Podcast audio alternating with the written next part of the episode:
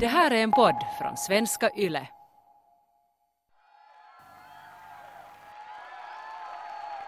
Malin rör inte en min. Hon gråter inte, skriker inte. Hon ser bödeln tända bålet. Hon sluter sina ögon.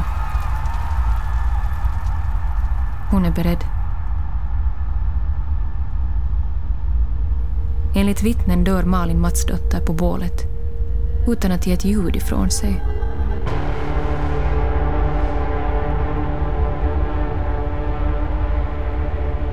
Det togs som det ultimata beviset för att hon stod i förbund med Satan.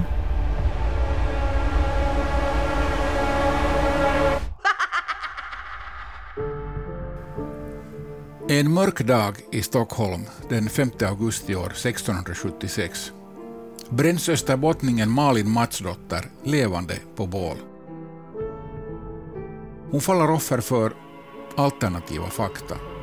Som att hon red på pastor Mirander till Blåkulla, spelade flöjt med skärten och kopulerade med Satan under matbordet. Eller hur det nu var.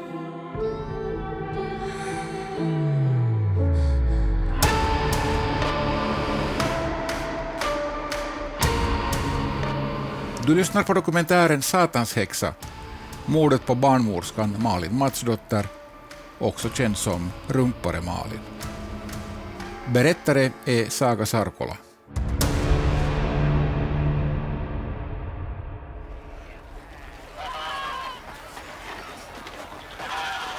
Solen gassar över Södermalm i Stockholm en tidig vårmorgon år 1675. Strålarna söker sig genom slingrande gränder och väcker de sömndruckna söderborna. Stadsdelen växer så att det knakar. Man bor tätt och alla känner alla. Många av dem har deltagit i byggandet av den nya kyrkan Katarina, deras egen kyrka. De hatar alla varandra.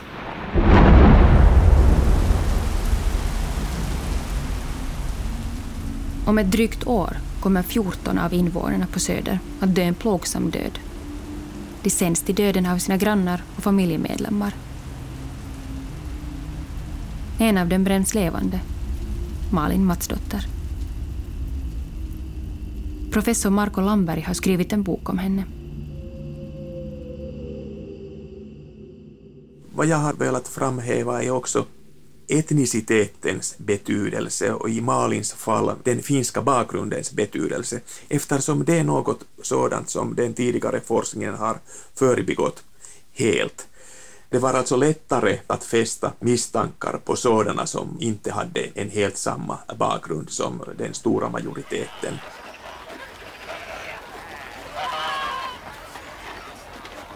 Malin föder 15 barn, men bara två av barnen överlever flickorna Annika och Maria.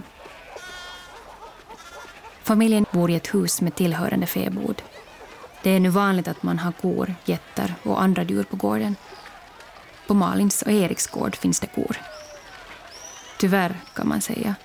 För med dem börjar Malins fall.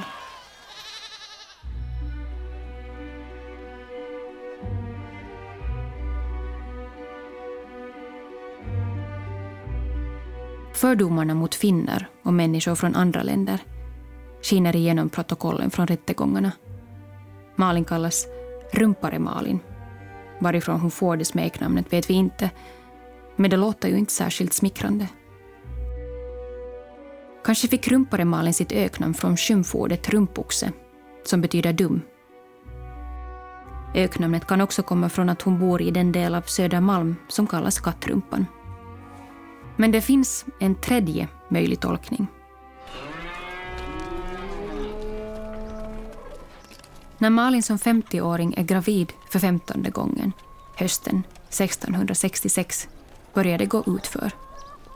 Om hennes man Erik är trött på att ännu en gång behöva avhålla sig från sexuellt umgänge med sin hustru, eller om han bara är trött på hustrun överlag vet vi inte.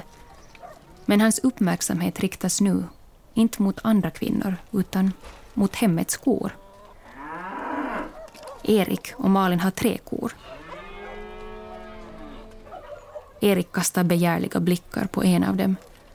Han vet att det är strängt förbjudet men han ger ändå utlopp för sina begär. Tidelaget pågår i över ett år. Erik glömmer att vara försiktig och en dag ser hans äldre dotter Annika hur han kommer ut ur bastun med en pall i handen och ställer sig bakom kon. Han sätter sig inte på pallen utan stiger upp på den.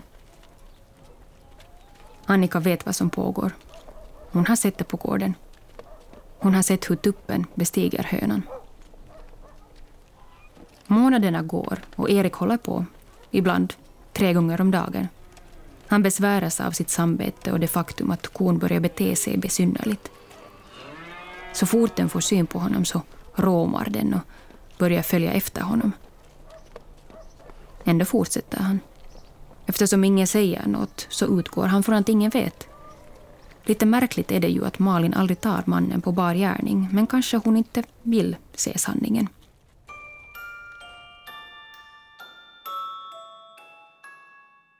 Så en dag i mars 1668 kommer sanningen fram. Erik tuktar hårdhänt sina döttrar som rymmer hemifrån. När de återvänder är det Malins tur att låta döttrarna smaka på granriset. Erik hejar på. Slå mera! Då brister det för Annika. Hon vrålar åt sin far. Mor slår och ni slår. Jag kan inte längre tiga om den synd ni har gjort. Ni har hela tiden stått på en stol över vår svarta ko, så som en tupp över en höna. Världen rämnar. Familjens överhuvud har gjort sig skyldig till den mest skambelagda synden av alla. Erik blir lamslagen och försöker inte ens förneka det som dottern beskyller honom för. Han har alltför länge plågats av sin skam. Erik anmäler sig till myndigheterna. Han kanske hoppas på att få en mildare dom för att han anger sig själv. Men han får den dom som alla tidelagare får. Han avrättas. Visserligen frågar man i rätten om hustru Malin faktiskt inte vetat om brottet. Var det kanske rent av så att hon är roten till det onda? Kanske domarna med det vill antyda att Malin inte skött sina uppgifter som hustru. Men Erik tar på sig hela skulden.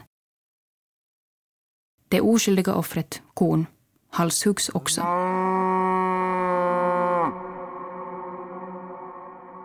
Kanske det här är den mest sannolika orsaken till namnet Rumpare Malin.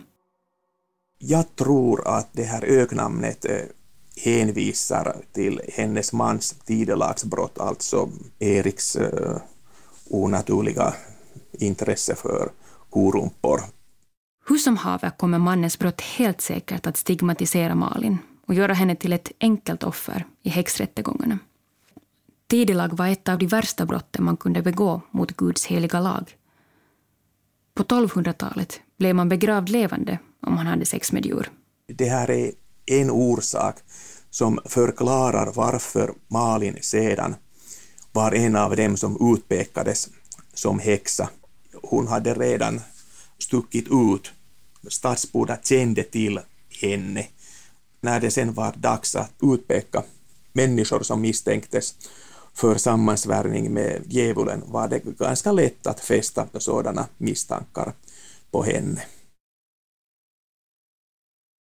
Han hjälper oss ur nöd och sorg och allt som vill oss när.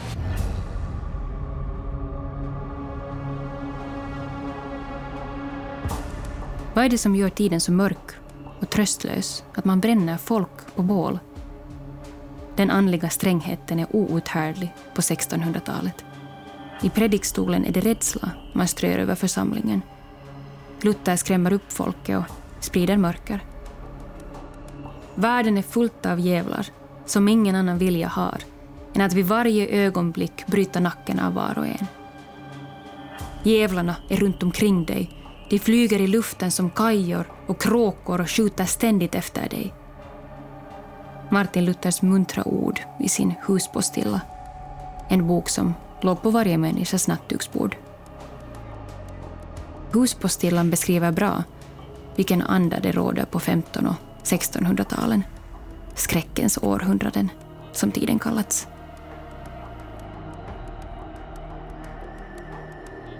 Det är en brytningsperiod mellan medeltid och nutid och världen är upp och ner. Städerna växer. Den gamla bygemenskapen bryts upp. Människor flyttar till städer där alla är främlingar. De söker framgången, de jagar drömmar och de blir för det mesta besvikna, förutmjukade, förnedrade. Stockholm myllrar av borttappade människor. De vill få fotfäste, de vill befästa sin position som riktiga stockholmare i motsats till de där andra. De vänder sig mot varandra.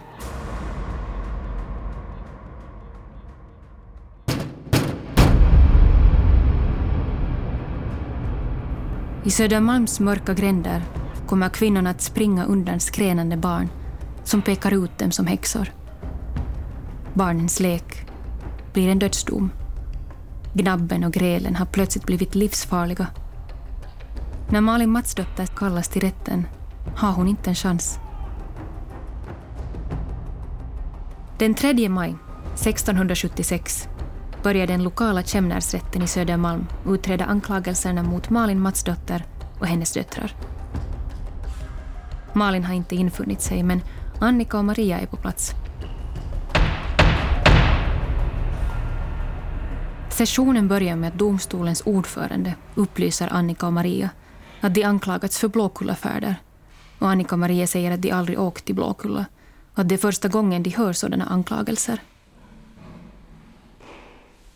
Domarna beslutar att skilja åt systrarna och förhöra dem enskilt. De ber Maria avlägsna sig och ställa Annika en knepig fråga.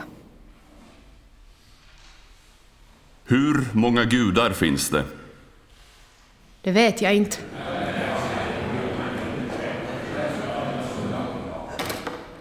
Pigan Margareta Matsdotter kallas in i salen. Hon stiger raskt in och beter sig självsäkert. Hon får frågan om hon sett Annika i Blåkulla. Ja, det har jag. Annika är tvätterska i Blåkulla. Klara besked alltså. Saken borde vara klar. I Jesu namn, Annika. Säg sanningen och rädda din själ från evig förtappelse. Annika är förvirrad. Vad talar de om? Men vad ska jag erkänna? Jag vet ingenting. Domarna höjer insatsen och kallar in kärnvittnet, Lisbeth Karsdotter. Hon stiger in lika självsäkert som Margareta. Hon får frågan om hon sett Annika i Blåkulla. Ja, det har jag. Det är Annikas mor som fört sina barn till Blåkulla. Annika mjölkar kor i Blåkulla. Nöjda med vittnesmålet försöker domarkollegiet nu reda ut hur starkt djävulens grepp är om Annika. Annika, säg Jesus, Guds son, hjälp mig. Jesus, Guds son, hjälp mig. Domarna är lite missnöjda med att inte ha knäckt Annika med den kluriga uppgiften. De kallar in ett nytt vittne, myrapigan Agnes Eskilsdotter. Hon har pinfärska och förbryllande nyheter att komma med. Annika är som bäst i Blåkulla.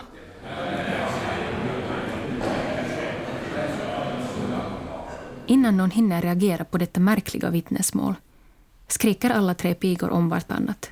Satan står bakom Annika! Nu skuttar han upp på hennes axel! Han har håriga ben och ett horn sticker fram ur knäna. Han klämmer åt Annikas hals så att hon inte ska kunna bekänna!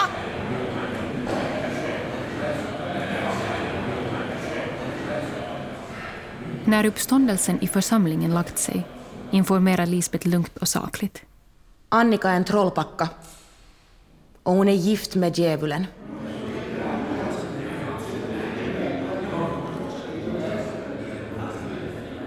Domarna fortsätter pressa Annika, men hon vägrar erkänna. Trötta på monotonin i föreställningen skickar rätten ut Annika och vittnena och kallar in Annikas lillasyster Maria. Hon stiger försiktigt med böjt huvud in i salen. Hon har förvisso varit i rätten en gång tidigare, när hennes far dömdes för tidelag. Men känslan av att ensam ställa sig framför ett kollegium av herrar är lika obehaglig som den var då rätten upplyser Maria om att tre pigor har vittnat om att de sett henne, hennes syster och hennes mor i Blåkulla. De vill inte höra mera tjafs och utgår från att Maria, som är den yngre systern, är lättare att skrämma. De går till frontalattack. Befria dig från Satan. Återvänd till Kristus. Maria faller i gråt medan samma procedur som med Annika kör igång. Pigorna kallas in och skriker och stojar om att den onde sitter på Marias axel och så vidare. Maria bryter ihop. Jag har varit i Blåkulla men, men bara i en månad och jag har inte lärt mig några häxkonster där och jag, jag vet inte hur jag hamnade där. Men medan rätten gottar sig åt sitt genombrott ångrar sig Maria och tar tillbaka sin bekännelse. Då kör pigorna igång sin föreställning igen. Men nu hävdar de att fan tar strupgrepp på dem för att de ska vara tysta. Domarna försöker med en ny strategi. Maria Eriksdotter, sjung salmen Vår Gud är oss en väldig borg och läs Fader vår. Det blir tyst i salen. Maria tittar förvirrat på domarna. Men hon är van att lyda, så hon stämmer upp. Vår Gud är oss en väldig borg. Han är vår sköld och värja. Om jag bara kunde bekänna, jag, jag går flitigt i kyrkan men jag, men jag glömmer vad prästen säger och jag har inte på en månad förmått be en enda bön. Gud som är i himmelen, helgat var det ditt namn. Hon tystnar. Kanske hon börjar tro på att djävulen har henne i sitt grepp. Pigorna hjälper till.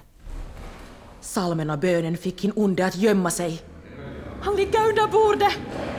Övertalningsförsöken i Jesu Kristi namn fortsätter. Domarna högläser bibliska texter och ber Maria upprepa dem. Gud, giva att jag kunde göra det. Men jag kan inte.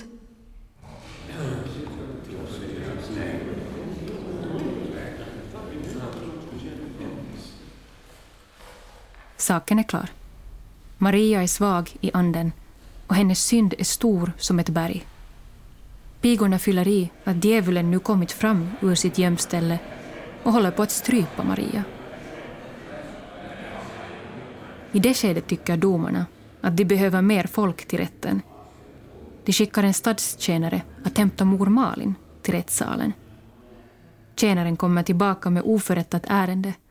Han meddelar att Malin inte är intresserad av att komma till rätten. Hon uppger att hon är sjuk. Hon ljuger!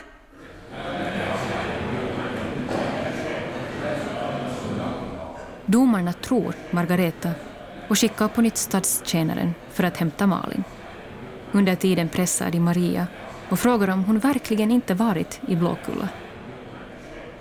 Inte vad jag vet.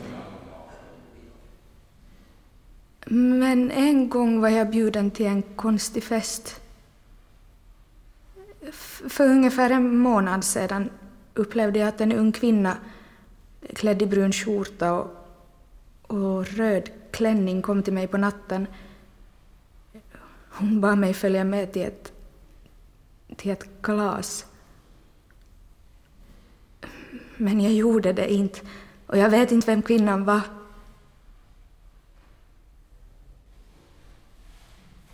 Medan salen försöker smälta det som Maria sagt gör huvudrollsinnehavaren entré. Stadstjänaren har lyckats släpa Malin till domstolen. Malin stiger in i salen utan att med en min avslöja sitt sinnestillstånd. Hustru Malin Matsdotter, varför ville du inte infinna dig första gången? Jag har varit sjuk hela året. Ända sedan Olofsdagen. Och jag förstod inte riktigt vad jag har här att göra. Måste jag faktiskt stå här? Det är tungt. Varpå Malin tar av sig skorna medan hon klagar och jämrar sig. Domarna är förbryllade. Ett sånt beteende har de inte varit med om tidigare. Du är här i ett allvarligt ärende. Du har blivit anklagad för trolldom. Malin svarar rappt och irriterat. Jag är hellre i elden än lyssnar på sådant skitprat.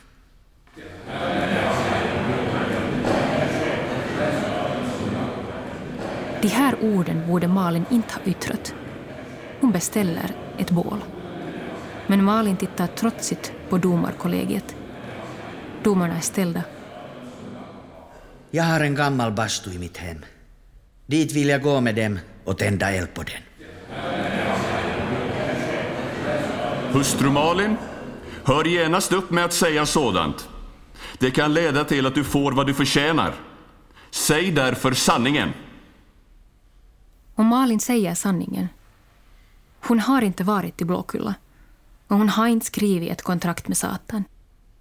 Sen börjar hon voja sig över väsentligare saker, det vill säga hur sjuk hon är. Hon är trots allt över 60 år. Malin beter sig inte särskilt smart. Hon har definitivt inte fått domarna på sin sida genom att behandla dem respektlöst. Rätten är van vid ödmjukhet. Malin är konstig och trotsig. Jävlar anamma. Om ni så tar koll på mig så har jag ingenting att bekänna. Malin påminns om att tre vittnen sett henne mjölka kor i Blåkulla. Jo, de sa det. Men hororna ljuger för att skada mig. Men det är nu just detsamma. Jag bryr mig inte om vad de där snoslevarna säger. Domarna fortsätter oförtrutet att mala på med samma uppmaning till dem alla. Bekänn! Men förgäves. Alla tre fängslas, åtskilda från varandra. Efter en natt i fängelsehålan släpas en darrande Annika in i rättssalen. Hon börjar bli mör. Vi vet inte om hon torteras, men fängelsehålan i sig är en nedbrytande upplevelse. Speciellt för en 20-årig kvinna som aldrig tidigare suttit i fängelse. Men Annika fortsätter bedyra sin oskuld, om än mer halvhjärtat än tidigare. Domarna attackerar den trötta Annika med full styrka. I färggranna bilder redogör de för vilka helvetes fasor som väntar henne om hon fortsätter dyrka djävulen. Den som låter sig förledas av synden och förhärdar sig blir förtappad. Annika brister utmattad i gråt. Mor förde mig till Blåkulla. Gud ske pris. Domarna meddelar att de är nöjda med Annika och kommer i fortsättningen att behandla henne barmhärtigt när hennes bekännelser fortsätter. Annika tackar för det löftet genom att bekänna att mor Malin fört henne flera gånger till Blåkulla, senast i natt.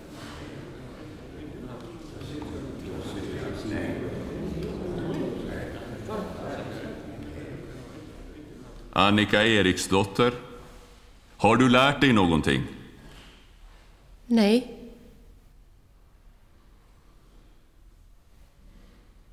Svaret är inte det domarna väntat sig av en kvinna som är bruten och viljelös.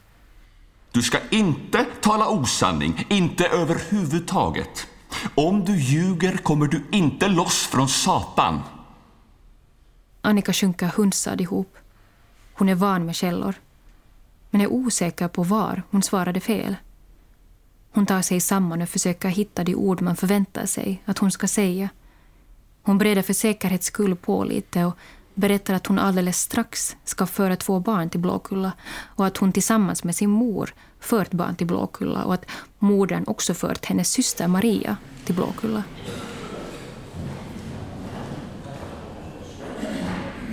Annika noterar att domarna ser nöjda ut och drar en suck av lättnad. Men nu handlar det alltså inte längre bara om att mjölka Satans kossor i Blåkulla. Nu är hon och hennes mamma häxor som för barn till djävulens samkväm. Belåtet tackar domarna milt Annika för hennes insats och skickar ut henne ur rättssalen. Nu vill de ta itu med Annikas syster, som de antar att det är en lättare nöt att knäcka. Maria stiger försiktigt in i salen och domarna ger henne det glada budet att hennes syster nu i Jesu namn omvänts och bekänt. Skulle det inte nu vara befriande att också Maria äntligen bekänner?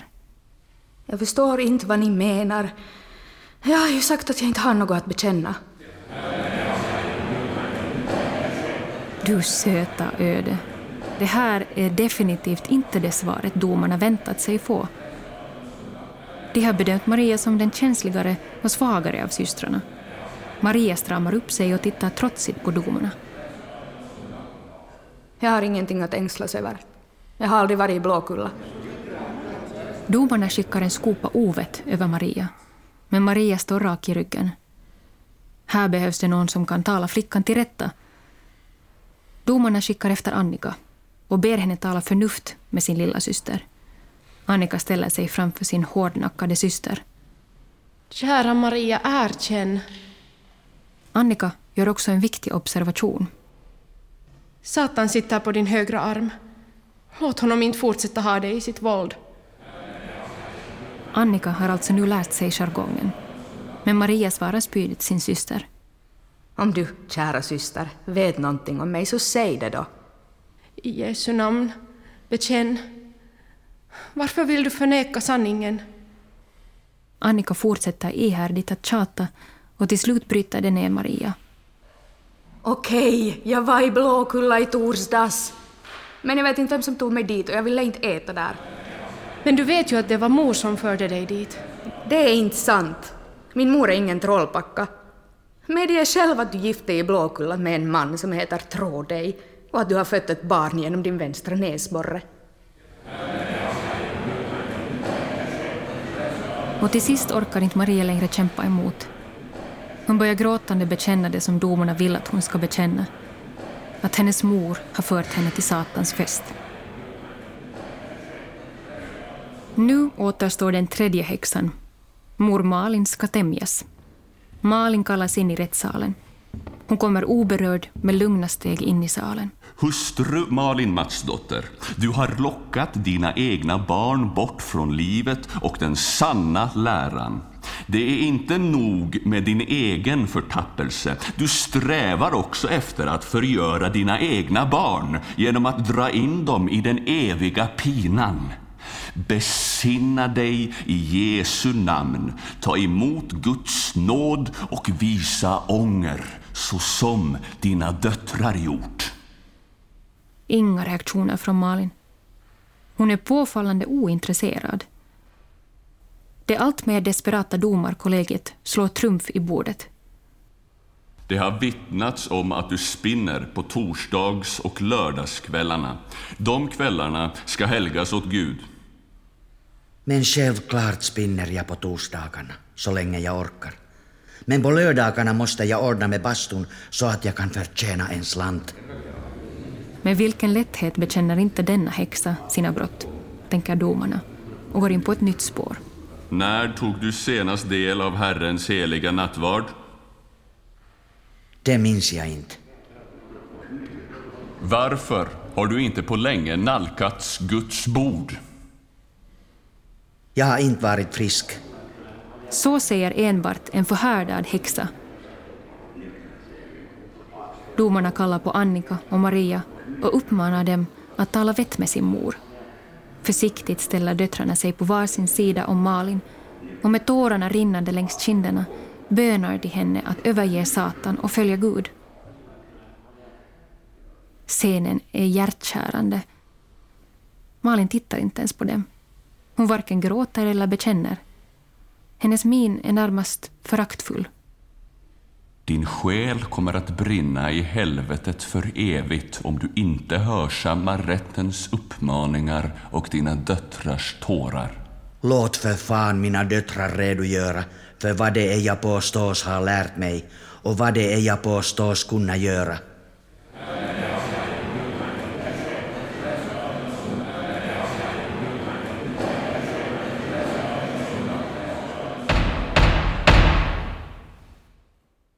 Domarna ger upp och avslutar rättegången i Södra Kämnarsrätten. Ärendet fortsätter nu i Svea hovrätt. Kämnarsrätten rekommenderar att både Malin och Annika döms till döden men att Maria släpps fri. Hon har ju inte fört någon till Blåkulla. Malin och Annika förs ner i fängelsehålan.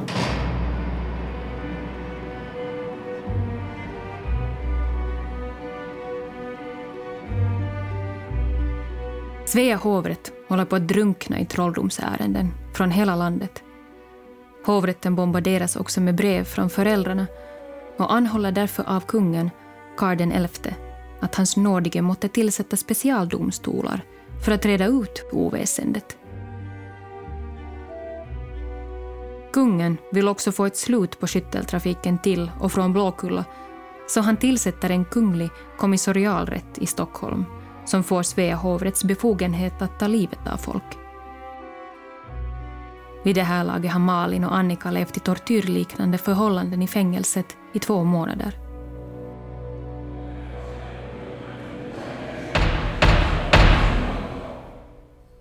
Den 11 juli 1676 fortsätter förhöret med Malin Matsdotter och hennes döttrar Annika och Maria Eriksdotter. Först kallas Annika in i den värdiga rättssalen. Hon har nu suttit över två månader i ett omänskligt fängelse. Gränsen mellan dröm och verklighet börjar suddas ut. Annika Eriksdotter, erkänner ni att ni fört barn till Blåkulla? Jag är inte själv medveten om att jag fört bort någon. Men barnen har vittnat så mot mig. Tillbaka till ruta ett, alltså. Med en suck spänner domaren bågen. För Guds skull tala sanning! Du bekände ju redan under tidigare förhör. Visst vill jag hålla mig till min tidigare bekännelse. Men jag har inte fört barnen till Blåkulla. I varje fall inte under de tre senaste veckorna. Nå, vem förde dig till Blåkulla första gången? Jag vet inte. Men det känns som om det var min mor. När skedde det? Det minns jag inte. Annika Eriksdotter, säg nu äntligen sanningen om allt detta! Mm. Något minns jag. Um, jag, jag. Jag minns att jag gick omkring i Blåkulla med utslaget hår. Och jag, och jag minns att jag, jag, jag gifte mig där. Att min man hette Näcken och att jag födde ett barn. Barnet föddes genom min vänstra näsborre och hette Tvidej.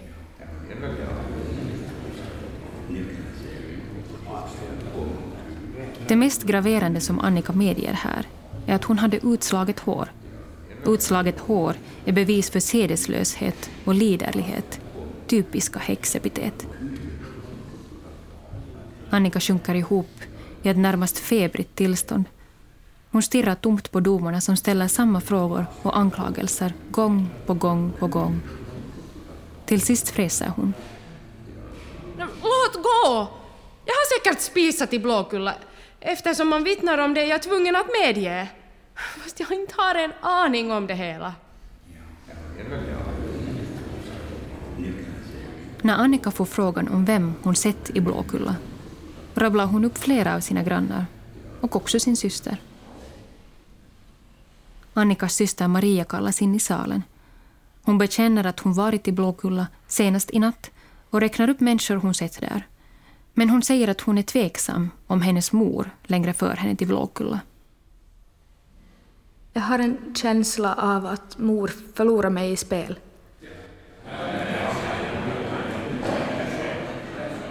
När Malin förs in i salen ser hon närmast uttråkad ut. Hon ska nu testas på sina kunskaper i kristet leverne. Hustru Malin, kan ni läsa upp trosbekännelsen? Det is jag inte. Jag kan egentligen bara Fader vår och bönen om den barmhärtige guden. Fel svar. Men Malin uppmanas återge de två böner hon säger sig kunna. Det kan hon inte. Hon lyckas inte läsa upp någondera bönen. En av prästerna läser högt en vers i taget och ber Malin upprepa. Det går inte så bra. Hon stapplar hela vägen. Kan i Fader vår på finska? Det har jag glömt. Jag har varit så länge borta från Finland. Ditt liv är ogudaktigt och du har underlåtit att injaga gudsfruktan i dina barn. Dina döttrar har vittnat om att du aldrig har läst katekesen för dem. Det stämmer inte. Jo, det gör det.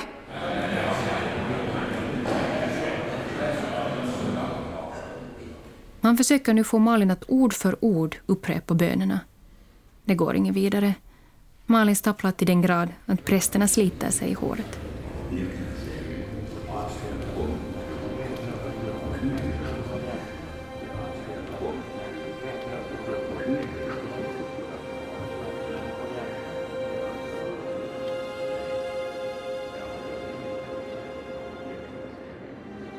Trött på allt ståhej försvinner Malin in i sin egen värld. Hon minns hur hennes döda man Erik tre gånger uppenbarat sig för henne och bett henne följa med. Malin har nekat varje gång, vilket gjort Erik rabiat. Han har slängt tallrikar och sparkat på möblerna. Men det känns ändå som ett bättre alternativ än det hon nu får gå igenom. Kanske hon borde ha följt med honom.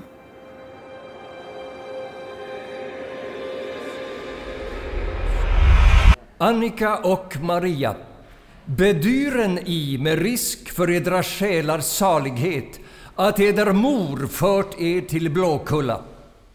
Båda bekräftar att så är fallet. Maria ställer sig framför sin mor. Mor, visst sa ni så här till mig på påskaftonen? Följ mig så ska det bliva folk av dig. Jag har sannerligen inte sagt så till dig, din snoslev. Och inte till någon annan lortlarpa heller. Maria drar sig undan och prästerna fortsätter mala på och uppmanar än en gång Malin att be. Men Malin börjar bli trött på tramset. Just nu orkar jag inte. Jag har ont i huvudet.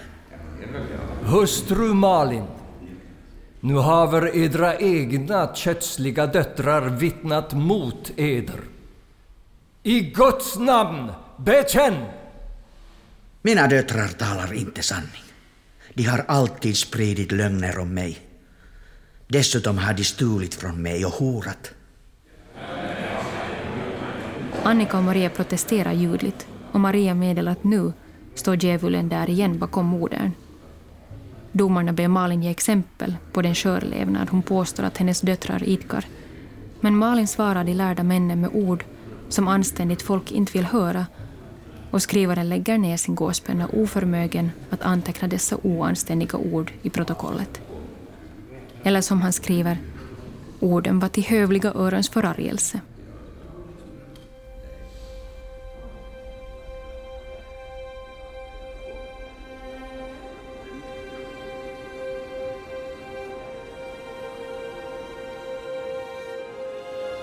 Malin är trött och minns igen hur Erik bett henne följa med till den eviga glädjen. Kanske Malin hoppas på att mannen genom sin död sonat sitt brott och fått nåd på andra sidan. Innerst inne visste hon väl att det är där hon kommer att hamna. På andra sidan. Och sannolikt började hon längta dit.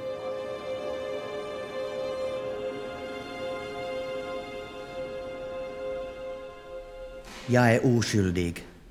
Men jag möter gärna döden eftersom mina barn har vittnat mot mig. Gud låt dem gå till Blåkulla för evig tid.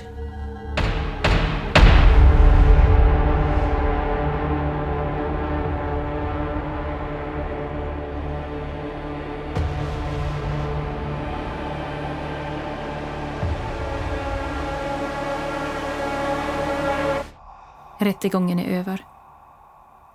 Är redo att fatta sitt beslut. Deras största huvudbry är hur de ska mörda henne. Den 24 juli avkunnas domen och den 5 augusti 1676 verkställs den.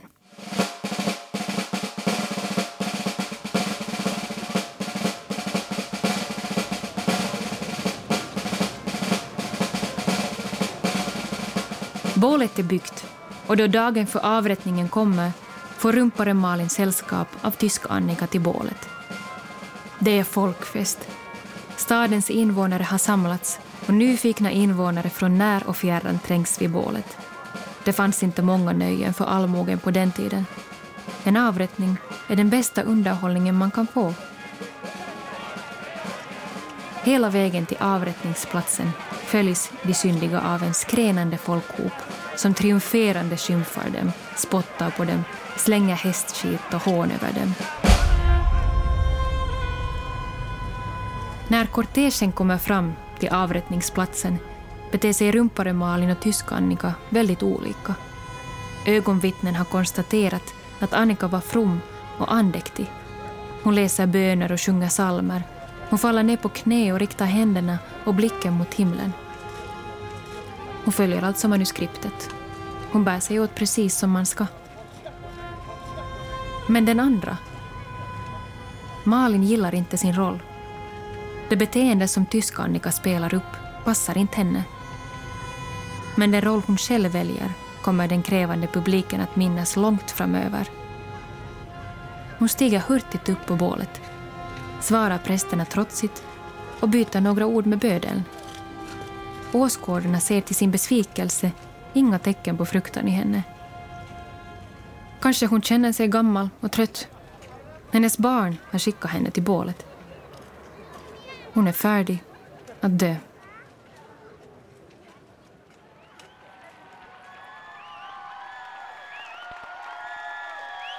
Annika sitter i fängelset. Men Maria finns vid bålet. Mor, mor, erkänn! Erkänn att ni fört mig och Annika till Blåkulla. Ert liv står inte att rädda, men er själ kan frälsas. Genom dina lögner har du tagit livet av din far och nu dödar du också din mor. Må fan ta dig och behålla dig för evig tid. Maria sträcker fram sin hand. Malin tar den inte. Hon sträcker fram sina händer mot bödeln och låter honom slå henne i järn vid pålen som står mitt i bålet. Hon ser hur tyska Annika knäböjer och lägger sitt huvud på stupstocken. Bödeln hugger av hennes huvud och slänger huvudet och kroppen på bålet. Malin rör inte en min. Hon gråter inte, skriker inte. Hon ser bödeln tända bålet. Hon sluter sina ögon. Hon är beredd.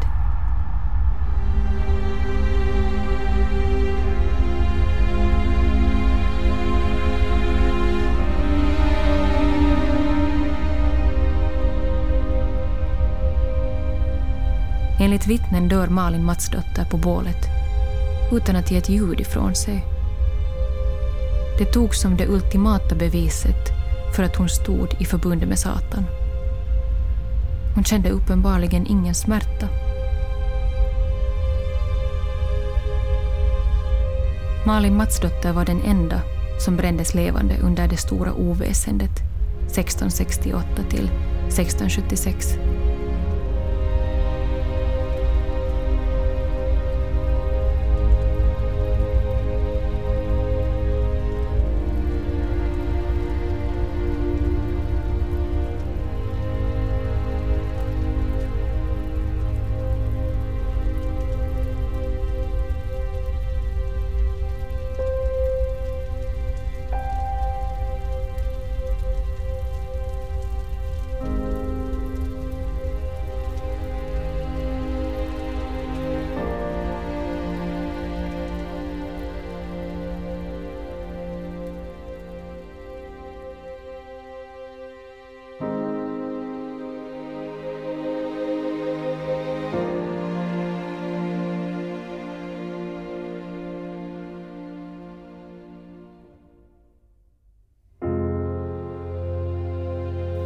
Du har lyssnat på dokumentären Satans häxa, mordet på barnmorskan Malin Matsdotter, också känd som Rumpare Malin.